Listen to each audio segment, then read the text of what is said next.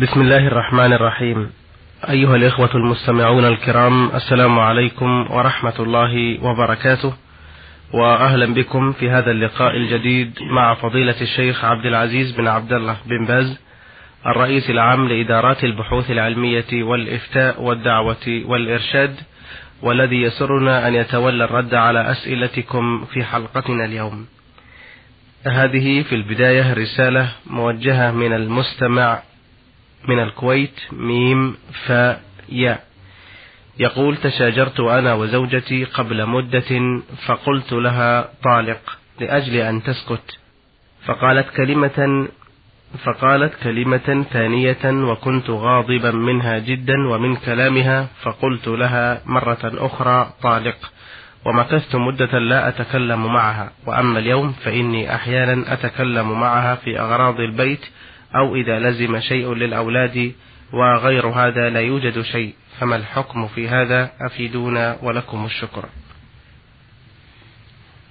بسم الله الرحمن الرحيم. الحمد لله وصلى الله وسلم على رسول الله وعلى آله وأصحابه ومن اهتدى بهداه. أما بعد فالله جل وعلا شرع لعباده الطلاق ليتخلص كل واحد من الزوجين من صاحبه إذا لم تستقم الحال. ولم يحصل ما يقيم العلاقة على الوجه المرضي. وجعله سبحانه ثلاثا. يراجع بعد الأولى وبعد الثانية وليس له الرجع بعد الثالثة. وحرم إيقاعه بالثلاث جميعا. بل يكون واحدة بعد واحدة. كما قال جل وعلا الطلاق مرتان فإمساك بمعروف وتسريح بإحسان. فإذا طلقها طلقة واحدة فله مراجعتها ما دامت العدة ثم إذا راجعها بقيت على حالها زوجة شرعية كحالها الأولى. فإن طلقها الثانية فله رجعتها أيضا من دون عقد نكاح كما بعد الطلقة الأولى. فأنت أيها السيد طلقتها طلقتين فلك المراجعة ما دامت العدة ما دامت لم تحض. ثلاث حيضات بعد الطلقة الأولى ولا تزال زوجة لك حتى تطلقها الطلقة الثالثة. هذا إذا كان الغضب خفيفا. أما إذا كان الغضب شديدا حيث حصل بينكما تنازع شديد وكلمات جارحة منها شديدة حتى اشتد غضبك. ولم تملك نفسك للإمساك عن الطلاق. فهذا الطلاق حينئذ عند الغضب الشديد لا يقع على الصحيح من أقوال العلماء. والغضب ثلاثة أحوال. الناس الغضب لهم ثلاثة أحوال. إحداها أن يشتد الغضب حتى يفقد الشعور ويكون كالمجنون والمعتوه فهذا لا يقع طلاقه عند جميع أهل العلم لأنه بمثابة المجنون والمعتوه زائل العقل. فهذا لا يقع طلاقه إذا زال عقله بشدة الغضب ولم يملك نفسه ولم يضبط ما يقول ولم يحفظ ما يقول. الحال الثاني أن يشتد معه الغضب ولكنه يعقل يفهم ما يقول ويعقل إلا أن الغضب اشتد معه كثيرا ولم يستطع أن يملك نفسه لطول النزاع أو المسابة أو المشاتمة أو المضاربة فاشتد الغضب لأجل ذلك. هذا في خلاف بين أهل العلم والأرجح أنه لا يقع أيضا. فإن كان غضبك من هذا من هذا القبيل فالطلاق غير واقع. وإن كان غضبك من الحالة الثالثة وهي غضب خفيف الذي يحصل منه تكدر من الزوج وكراهة لما وقع من المرأة ولكنه لم يشد معه شدة كثيرة تمنعه من التعقل والنظر لنفسه بل هو غضب عادي خفيف. فهذا يقع معه الطلاق عند جميع أهل العلم. لكن إذا كانت المرأة في حال حيض عند الطلاق أو في حال نفاس أو في حال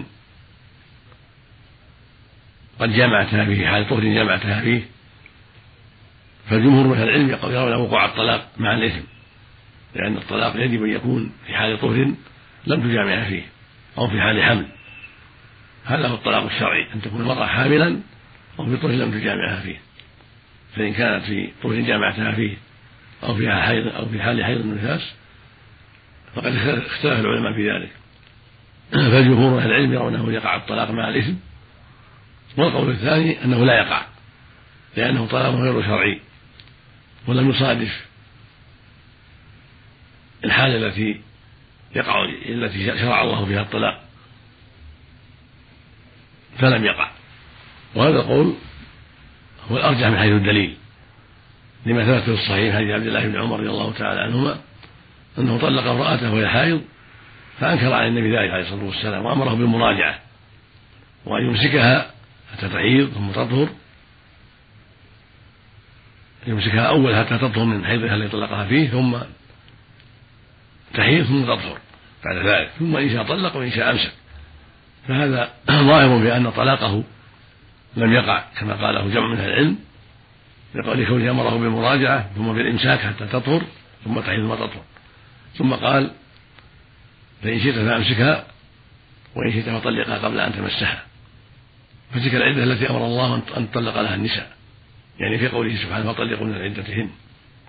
فهذا يدل على أن طلاق في طول جامعة فيه أو في حال حيض أو نفاس طلاق غير شرعي. وطلاق في العدة التي لم يأمر الله بالطلاق فيها. وهذا هو المختار وإن كان خلاف قول الجمهور. فأنت أعلم بنفسك وما جرى عليك حين الطلاق. فإن كان الغضب قد اشتد معك شدة واضحة قوية لطول النزاع بينكما وسوء الكلام الذي صدر منها حتى لم تملك نفسك أو كان في طهر جامعتها فيه أو في حيض الطلاق غير واقع. وإن كانت في حال حمل أو في حال طهر جامعة لم تجامعها فيه وكان الغضب ليس بشديد غضب عادي فإن الطلاق واقع. قد مضى عليها طلقتان ولك مراجعتها ما دامت في العدة. فإذا طلقتها بعد هذا مرة ثالثة حرمت عليك. حتى تنكح الزوج غيرك والواجب على المؤمن أن يتقي الله في كل شيء وأن ينظر في الأمر إذا أراد الطلاق. لا يعجل في الطلاق بل ينظر. فإن كانت الزوجة مستقيمة والحال مستقيمة فلا وجه للطلاق ولا ينبغي الطلاق. وهكذا إذا أمكن التعديل وأمكن العلاج فلا ينبغي فلا تنبغي العجلة في الطلاق. ثم إذا عزم على الطلاق فلينظر. هل هي حامل هل هي في طهر لم يطل جامعها فيه أو في حال حمل؟ فلا بأس بالطلاق. إذا كانت في طول لم يجامعها فيه أو في حال حمل. أما إن كانت في طول جامعها فيه أو في حال حيض أو في نفاس فلا يجوز الطلاق. فالواجب على المؤمن أن ينظر في هذه الأمور وأن لا يعجل في طلاقه لأهله بل ينظر ويتأمل وينظر في العواقب ولا يعجل. ثم ينظر في حال المرأة هل هي حبلى أو في طول لم يجامعها فيه أو في حال أخرى حتى يطلق على بصيرة وحتى يكون طلاقه طلاقا شرعيا موافقا لما جاء به النص. نعم. جزاكم الله خيرا. آه هذه رسالة آه بعث بها المستمع علي معيض موسى الزهراني من بلاد زهران. له سؤالان في رسالته. يقول في سؤاله الأول صليت المغرب مع جدي وقد سبقني بركعة واحدة وبدلا من أن يجلس للتشهد الأخير بعد الثالثة نهض ليأتي بركعة زائدة فأمسكته بيدي وقلت سبحان الله ولكنه أصر على ذلك وعندما جاء بهذه الركعة لم أسلم أنا ونهضت لأكمل صلاتي بركعة هي في العدد رابعة. ولم أحتسب ركعته الرابعة له والثالثة لي. وبعدما انتهت الصلاة قلت له لما زدت ركعة؟ فقال لكي تكمل صلاتك معي جهلا منه. فما حكم هذه الزيادة في صلاته من غير سهو وجهل منه بحكم ذلك؟ من غير سهو وجهل منه بحكم ذلك. وماذا عليه فعله الآن؟ وما حكم صلاتي أنا حيث أنني زدت ركعة رابعة إذ لم أحتسب زيادته وأيضا سجدت للسهو جبرا للزيادة المعلومة. أما عملك أنت فقد أصبت حين نبهته قلت سبحان الله وأمسكته ليجلس لأن هذا هو الواجب عليه أن يجلس إلى نبه ولا يأتي بالزيادة.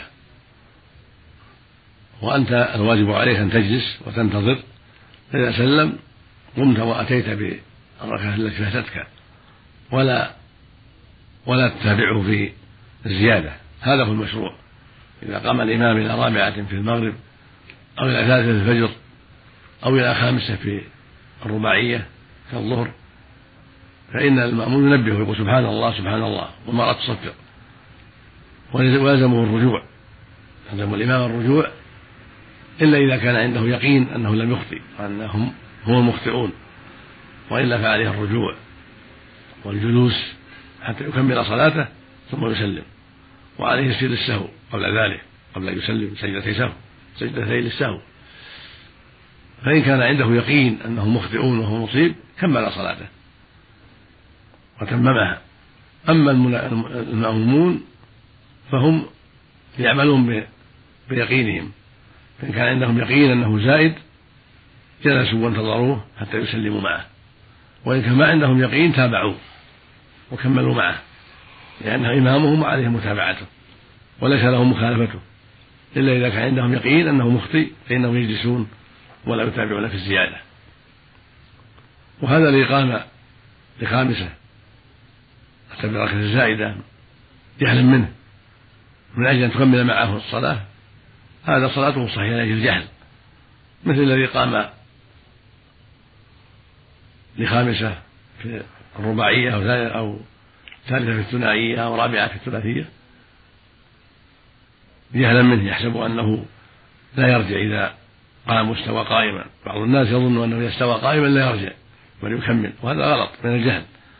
صلاته صحيحة لجهله ولكن ينبغي له أن يتعلم صلاته ويتفقه في صلاته حتى لا يعود إلى مثل هذا الجهل.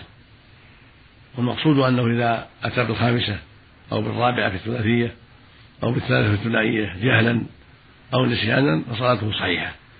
ولكن يسجد للسهو إذا كان في النسيان يسجد للسهو أما لو تعمد الخامسة في الرباعية أو الثالثة في الثنائية أو الرابعة في الثلاثية مثل المغرب وهو يعلم الحكم الشرعي وتعمد القيام هذا متلاعب صلاته باطلة.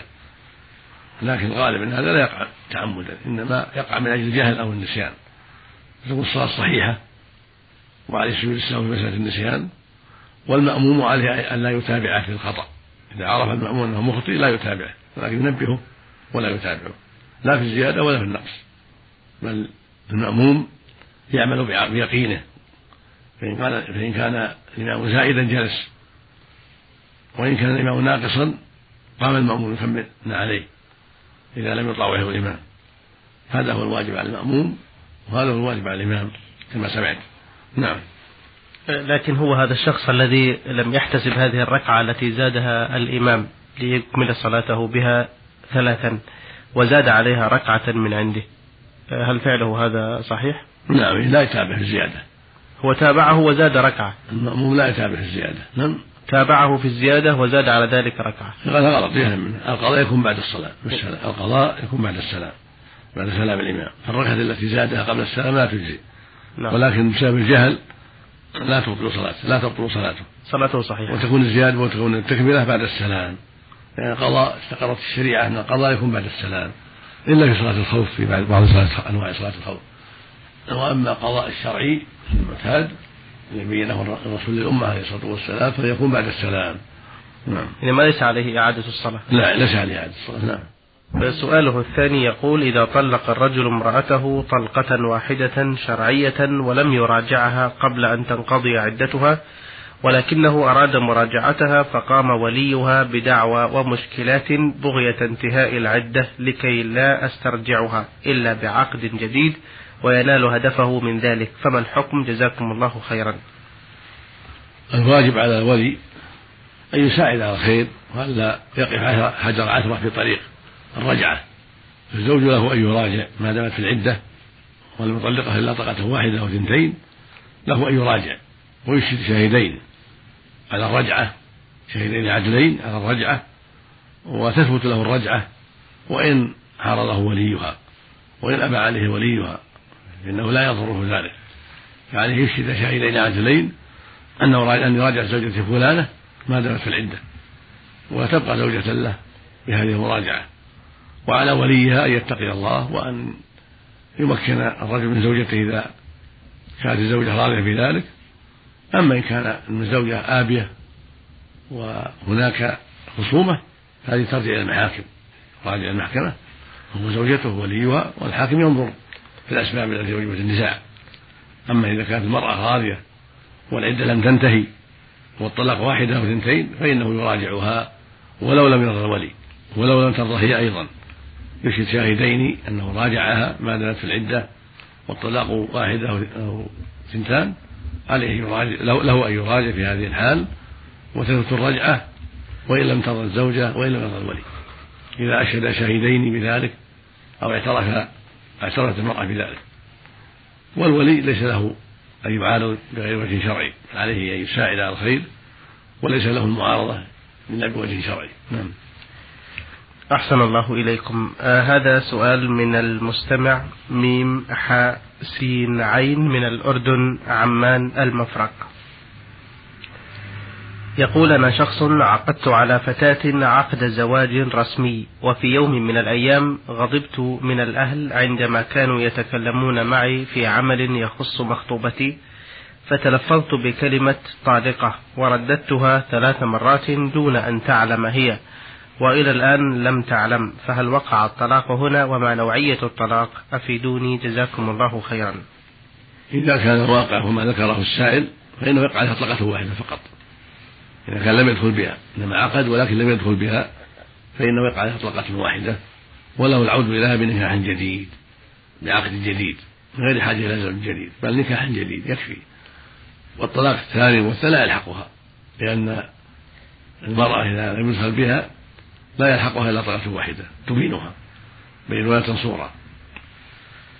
والطلاق الثاني والثاني لا يلحق لأنها ليست في عدة. وله العود إليها بنكاح جديد إذا رغبت في ذلك كخاطب كخاطب من الخطاب. جزاكم الله خير الجزاء. أيها الإخوة الكرام في حلقتنا اليوم عرضنا رسائلكم على فضيلة الشيخ عبد العزيز بن عبد الله بن باز. الرئيس العام لإدارات البحوث العلمية والإفتاء والدعوة والإرشاد وقد أجاب جزاه الله خيرا على أسئلة الإخوة ميم فاء من الكويت والأخ علي معيض موسى الزهراني من بلاد زهران وأخيرا على سؤال الأخ ميم حاء سين عين من الأردن عمان المفرق. أيها الإخوة الكرام باسمكم جميعا نتوجه إلى شيخنا الجليل بالشكر الجزيل على تفضله بهذه الإجابة ونشكركم أيضا على حسن إصغائكم وإلى لقاء آخر. نستودعكم الله تعالى والسلام عليكم ورحمة الله وبركاته.